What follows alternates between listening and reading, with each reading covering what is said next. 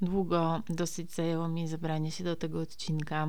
Pewnie Wam było i jest też ostatnio trudno, bo trudno generalnie prowadzić y, normalną działalność w obliczu wojny w Ukrainie. I y, ja pewnie, tak jak i wielu, wiele z Was, płaczę po kilka razy dziennie. Już nie mogę oglądać relacji z Ukrainy, a jednocześnie nie mogę przestać ich oglądać. I nie znam się ani na wojskowości, ani na e, polityce. Nie jestem też psycholożką, żeby móc mówić na przykład o tym, co czują ludzie. Mogę się mm, co najwyżej podzielić z Wami tym, co mam, takimi zasobami, jakie mam. Na blogu i na Instagramie jest to ostatnio przede wszystkim informowanie o tym, jak nie dać się dezinformacji i skąd się wzięły fake newsy, którymi jesteśmy dzisiaj zalewani. A tutaj mogę się podzielić z Wami tym, co myślę, po prostu o czasach, w których żyjemy i o tym, jak zostaliśmy i y, zostałyśmy. Tutaj przede wszystkim kobiety wychowane, i o tym właśnie będzie dzisiaj E, jak moim zdaniem wychowano nas w poczuciu strachu. Strach to jest bardzo silna emocja i również bardzo potrzebna, bo przecież to jest strach, który pozwala uciec przed drapieżnikiem czy uniknąć niebezpieczeństwa. I mm, znam też to rozróżnienie na strach i lęk. Czyli strach pojawia się wtedy, kiedy mamy do czynienia z realnym zagrożeniem, na przykład ostrzelaniem miasta, w którym mieszkamy, czyli realną groźbą śmierci. Natomiast lęk jest takim bardziej wewnętrznym przeżywaniem sytuacji, które nie są dla nas realnym zagrożeniem. Czyli boimy się wtedy tak bardziej nieznanego, jakiegoś wyobrażenia, tylko mm, pewnej sytuacji czy zjawiska. I pewnie biorąc pod uwagę to rozróżnienie, powinnam nazwać odcinek kultura lęku, ale zostajemy przy strachu, przy tym uczuciu w ogóle bania się czegoś. I nie będę tu mówić o lęku, który być może część z Was odczuwa w związku z wojną. Nie mam do tego w ogóle kompetencji. Natomiast jest mnóstwo osób, które mają i które mogą Wam służyć pomocą w sytuacji, kiedy lękacie się o własne bezpieczeństwo, o możliwy kryzys humanitarny, o to, co będzie w przyszłości. Um, uważam, że zresztą, że to są dosyć takie naturalne emocje w tej sytuacji i również uniwersalne dla wielu osób. I również wiem, że trudno sobie czasami z nimi poradzić. Świetny odcinek podcastu nagrała na ten temat ostatnio Gosia Serafin, więc na przykład tutaj mogę Wam to polecić. Natomiast ja dzisiaj chcę powiedzieć o innym nieco rodzaju strachu, czy raczej o pewnej kulturowej nakładce, którą zaczęłam e, bardzo wyraźnie zauważać i którą zauważam cały czas w swoim życiu, czyli o tym właśnie, jak jesteśmy wychowywani, że jesteśmy wychowywani i potem żyjemy w społeczeństwie, w którym mamy się różnych rzeczy bać. I chcę poruszyć tutaj trzy tematy, które mo ja mocno odczuwam przez większość swojego życia. I pierwszy z nich to jest wywoływanie strachu przed rzeczami, które w ocenie osób mi czasami bliskich, a czasami nie, są niebezpieczne. W mojej rodzinie taką specjalistką w indukcji strachu jest babcia, która nieustannie się mnie martwi, co rozumiem i co jest oczywiście bardzo takie rozbrajające, ale chcę Wam na przykładzie mojej babci powiedzieć, na czym polega właśnie ta indukcja strachu. Więc moja babcia, jak słyszy, że jadę w góry, to pyta: Ale nie będziesz tam nigdzie wysoko chodziła? Albo jak mówię już, że byłam w górach i pokazuję zdjęcia, to babcia zakrywa telefon i mówi, że ona się boi od samego patrzenia na te skały. Mimo, że ja już jestem dawno z powrotem po prostu na dole bezpieczna i że właściwie cały czas byłam bezpieczna, e, że jakby nie groziło mi żadne niebezpieczeństwo. Natomiast no jest ten lęk. I tak jest za każdym razem, więc zazwyczaj już w ogóle nie mówię babci, gdzie jadę, albo że jadę gdzieś sama, bo wtedy babcia nie może spać, e, po prostu nie ustanie się o mnie martwiąc. I ja się wiele razy spotkałam w życiu z takimi pytaniami, a czy ty się nie boisz? I te pytania dotyczyły rzeczy mm, raczej powiedziałabym nie wymagających jakichś ekstremalnych środków, e, typu wspinaczka na 8000 metrów albo nie wiem, przedzieranie się przez dżunglę, raczej dotyczyły takich rzeczy, które robią miliony osób na świecie, czyli podróżowanie pociągiem po Indiach, jeżdżenie na stopa, e, jeżdżenie stopem po Kubie, e, jedzenie na ulicy w Azji, e, pójścia na menikur na Sri Lance, czy na przykład podróże do Zambii. Więc zawsze są pytania, czy ja się nie boję jechać z Hindusami w pociągu, bo przecież na pewno mnie okradną, na pewno się zatruję jedzeniem i na pewno po prostu jestem na maksa brudno. I czy ja się nie boję, że coś mnie tam ob oblezie? Czy ja się w ogóle nie boję jeździć na stopa, bo przecież na pewno mnie ktoś okradnie i zgwałci? Czy ja się nie boję jeść na ulicy w Azji, bo na bank tam są po prostu najgorsze na świecie bakterie i po prostu na bank spędzę potem tydzień w toalecie. A już zrobienie w ogóle mani czy pedi w innym kraju to w ogóle wielkie no-no, bo jak ja się nie boję, że po prostu może się zarażę HIV. I wiecie, podobną historią podzieliła się ostatnio na swoim Instagramie Dominika Kniter, zwana jako, e, znana jako Dodo, Dodo Kniter, która obecnie podróżuje na motocyklu przez Tanzanię, Ugandę i Ruandę. I jakiś czas temu chciała przenocować w namiocie na dziko. No po prostu jakby w dozwolonym miejscu, w takim miejscu, gdzie można rozbić namiot. No ale mm, jacyś dobrzy ludzie z okolicznej e, wioski się o tym dowiedzieli, odszukali ten namiot, obudzili ją w środku nocy i kategorycznie nakazali iść z nimi, bo przecież ona nie może tam spać. I nie chodziło o to, że było to miejsce jakoś szczególnie niebezpieczne czy niedozwolone, po prostu oni stwierdzili, że to jest niebezpieczne i że oni się będą o nią bali. I Dominika powiedziała a propos tego pewną mądrą rzecz, więc Wam właśnie tę mądrą rzecz teraz powtórzę. Brzmi ona: dajcie innym podejmować ryzyko. Bo to, że ktoś nie zjadłby nigdy naleśnika usmażonego prostu na czarnym od sadzy wokół, który babcia na ulicy podaje po prostu z ręki do ręki, to jest okej. Okay. Ale jeśli ja chcę zjeść tego naleśnika, no to o co chodzi? To jest moje ryzyko, że się zatruję i spędzę tydzień w toalecie, co mi się tak a propos nigdy nie zdarzyło. To jest po prostu moje ryzyko. To jest moje ryzyko, że jadę na stopa, że skaczę ze spadochronem, że idę w góry bez zaklepanego noclegu, że w ogóle idę w góry.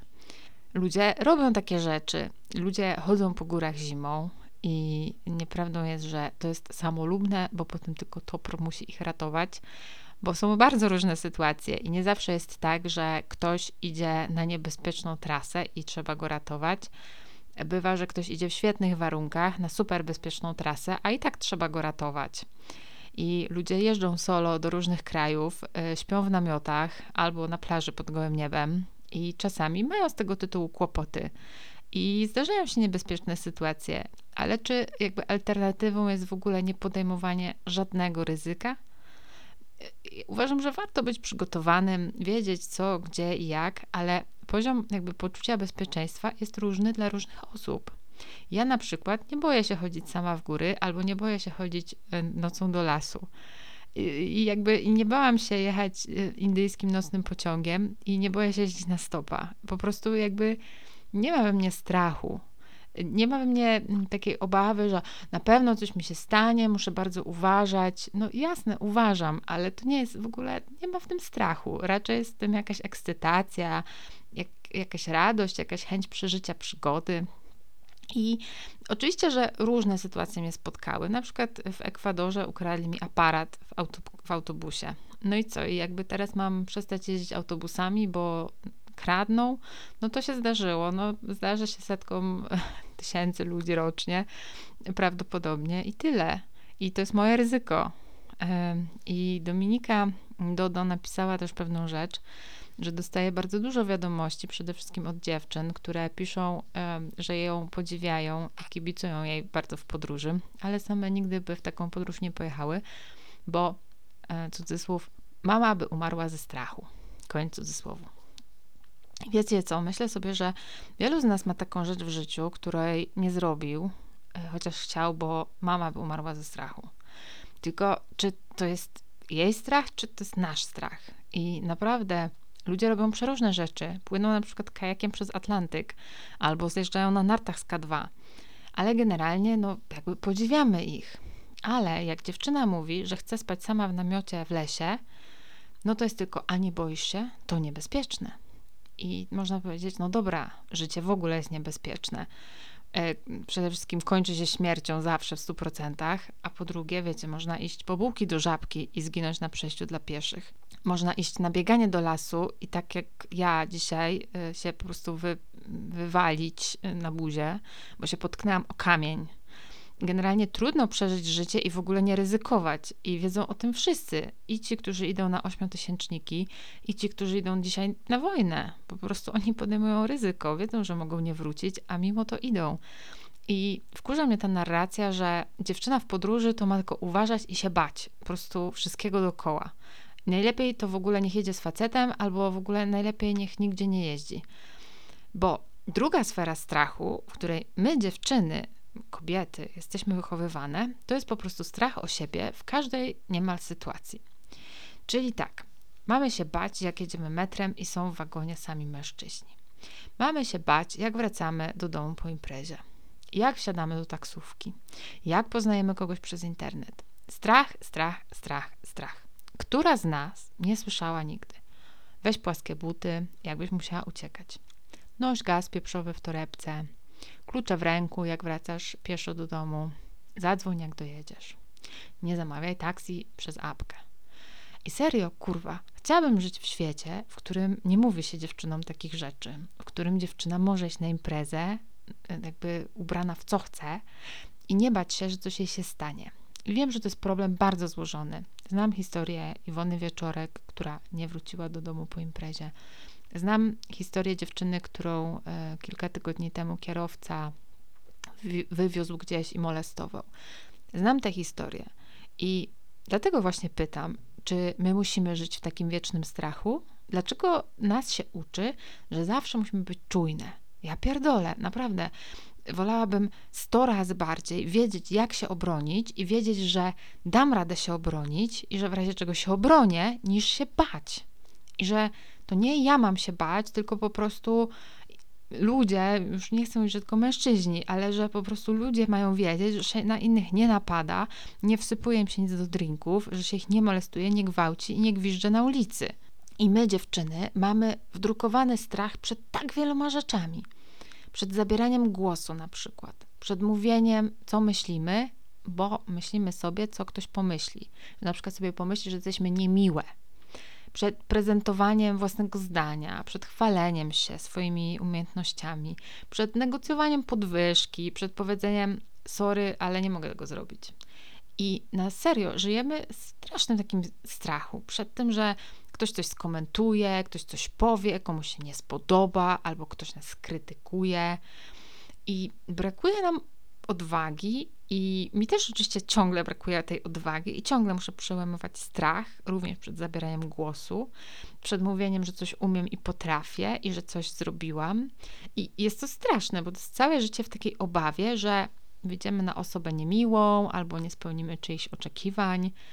I w sumie często jak już nazwiemy sobie to, czego tak naprawdę się boimy i się z tym skonfrontujemy, z tym strachem, to okazuje się, że po pierwsze boimy się czegoś zupełnie innego niż myślałyśmy, a po drugie, że w sumie nie taki wilk straszny, jak go malują i że w zasadzie ten wilk to takie po prostu miłe zwierzątko, podobne do psa. Nie ma się co tego bać, bo boimy się wszystkiego. I to jest ta trzecia sfera, o której chcę powiedzieć. I, I, zobaczcie po prostu, na czym teraz budowane są fake newsy związane z Ukrainą. Budowane są właśnie na strachu, że, mm, i teraz uwaga, mówię to w cudzysłowie i ironicznie, na strachu, że przyjdą uchodźcy i zabiorą nam wszystko: pracę, mieszkania, przywileje że zabraknie benzyny, pieniędzy w bankomatach, pielu w biedronce, że dla Polaków nie starczy. I to sianie paniki jest na rękę sami wiecie komu. Ale sytuacja nie dotyczy tylko Ukrainy, bo ten mechanizm powtarza się po prostu za każdym razem, kiedy stajemy w obliczu jakiegoś nieznanego i w obliczu jakiegoś nieznanego zagrożenia. I ym, właściwie wszystko, co się wydarza na świecie, każda jakaś taka większa, ważniejsza rzecz sprzyja podsycaniu naszego strachu, dlatego że to sprawia kolei, że łatwiej wierzymy w manipulacje i kłamstwa, no bo się boimy i tak do końca nie myślimy racjonalnie. I bardzo trudno jest temu nie ulec. Ja też w pierwszej fali COVID-a poszłam kupić papier toaletowy na zapas, ale zobaczcie, w jakiej po prostu kuli strachu żyjemy przed Rosją, przed imigrantami, przed katastrofą klimatyczną, przed kryzysem gospodarczym, przed załamaniem pogody. No, głównym zadaniem mediów dzisiaj, chociaż jakby może same media nie są do końca tego świadome, y, czy nie jest to do końca celowe, jest po prostu podsycanie tego strachu. No bo jak się boimy, to więcej klikamy i bardziej szukamy informacji. I mm, w pewnym sensie ten strach jest taki obezwładniający, bo też im więcej czytamy newsów, tym zwykle się bardziej boimy i w większą taką wpadamy paranoję. I to się sprowadza czasami do takich naprawdę prostych, przyziemnych rzeczy. Na przykład, że ktoś was pyta, a nie boisz się, że jak przyjmiesz uchodźców, to oni ci zniszczą mieszkanie? Kumacie, wystarczy coś takiego, żeby już zasiać ziarno niepokoju, i żeby ktoś się zaczął zastanawiać, czy udzielić pomocy, bo pomyśli sobie, o rany, no rzeczywiście przecież na pewno przyjechali po to, żeby mi zniszczyć mieszkanie, bo nie wiem, nigdy nie mieszkali w mieszkaniu. I wiecie, bardzo mało wystarczy, by wzniecić w nas taki niepokój.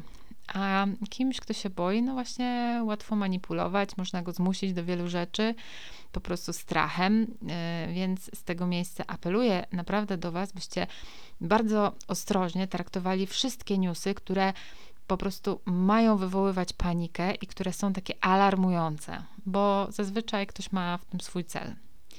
I podkreślę jeszcze raz, że strach jest potrzebny, jest jakimś w ogóle gwarantem przetrwania, ale mam wrażenie, że po prostu jesteśmy takimi zakładnikami tego strachu. Żyjemy czasami w takim po prostu okopie. Ciągle jest jakiś wróg, którego trzeba się bać. Ciągle coś nas osacza, coś nas atakuje. Zobaczcie, no to są dokładnie te mechanizmy reżimów totalitarnych, utrzymywanie ludzi w ciągłym strachu. I paradoksalnie można to odnieść też do tego pytania o, o podróże, tak? Czy nie boisz się jechać do Zambii, czy nie boisz się jechać do Indii? Bo wiecie, zwykle jak już człowiek pojedzie, to nawet jeśli się trochę stresował i trochę się obawiał różnych rzeczy, to okazuje się na miejscu, że strach ma wielkie oczy, a Zambia no, aż tak bardzo się nie różni od innych części świata i ludzie mają tam telefony, i internet, i jeżdżą taksówki, i są hotele, i jest normalne jedzenie, i wszyscy są mili, i w ogóle super. I podkreślę, że zdaję sobie sprawę, że są na świecie miejsca niebezpieczne i że są również ludzie, którzy bezmyślnie pchają się w niebezpieczeństwo i w miejsca niebezpieczne, a potem ich trzeba ratować. Ale tutaj mówimy jakby tak o nas, tak na co dzień, zwykłych ludziach, którzy chcą sobie normalnie żyć, a nie budzić się co rano i tylko myśleć, jaka zagłada nas dzisiaj czeka. I wiem też, że mamy różne fobie, że na przykład boimy się pająków albo boimy się skoczyć do basenu na główkę i ten strach jest tak silny, że po prostu no, nie jesteśmy w stanie go przezwyciężyć. I to jest okej, okay. ale wiem też, że jeśli ktoś postrzega świat wyłącznie jako miejsce po prostu najeżone niebezpieczeństwami, to ten świat właśnie taki dla niego będzie. I nie wiem, mi się wydaje, że jednak traci się na tym strachu dużo, bo człowiek rezygnuje z wielu rzeczy i jeśli jasne, ta potrzeba bezpieczeństwa jest silniejsza niż potrzeba na przykład zobaczenia jakiegoś miejsca na świecie, czy zdobycia szczytu, czy zrobienia czegoś tam, to jest w porządku.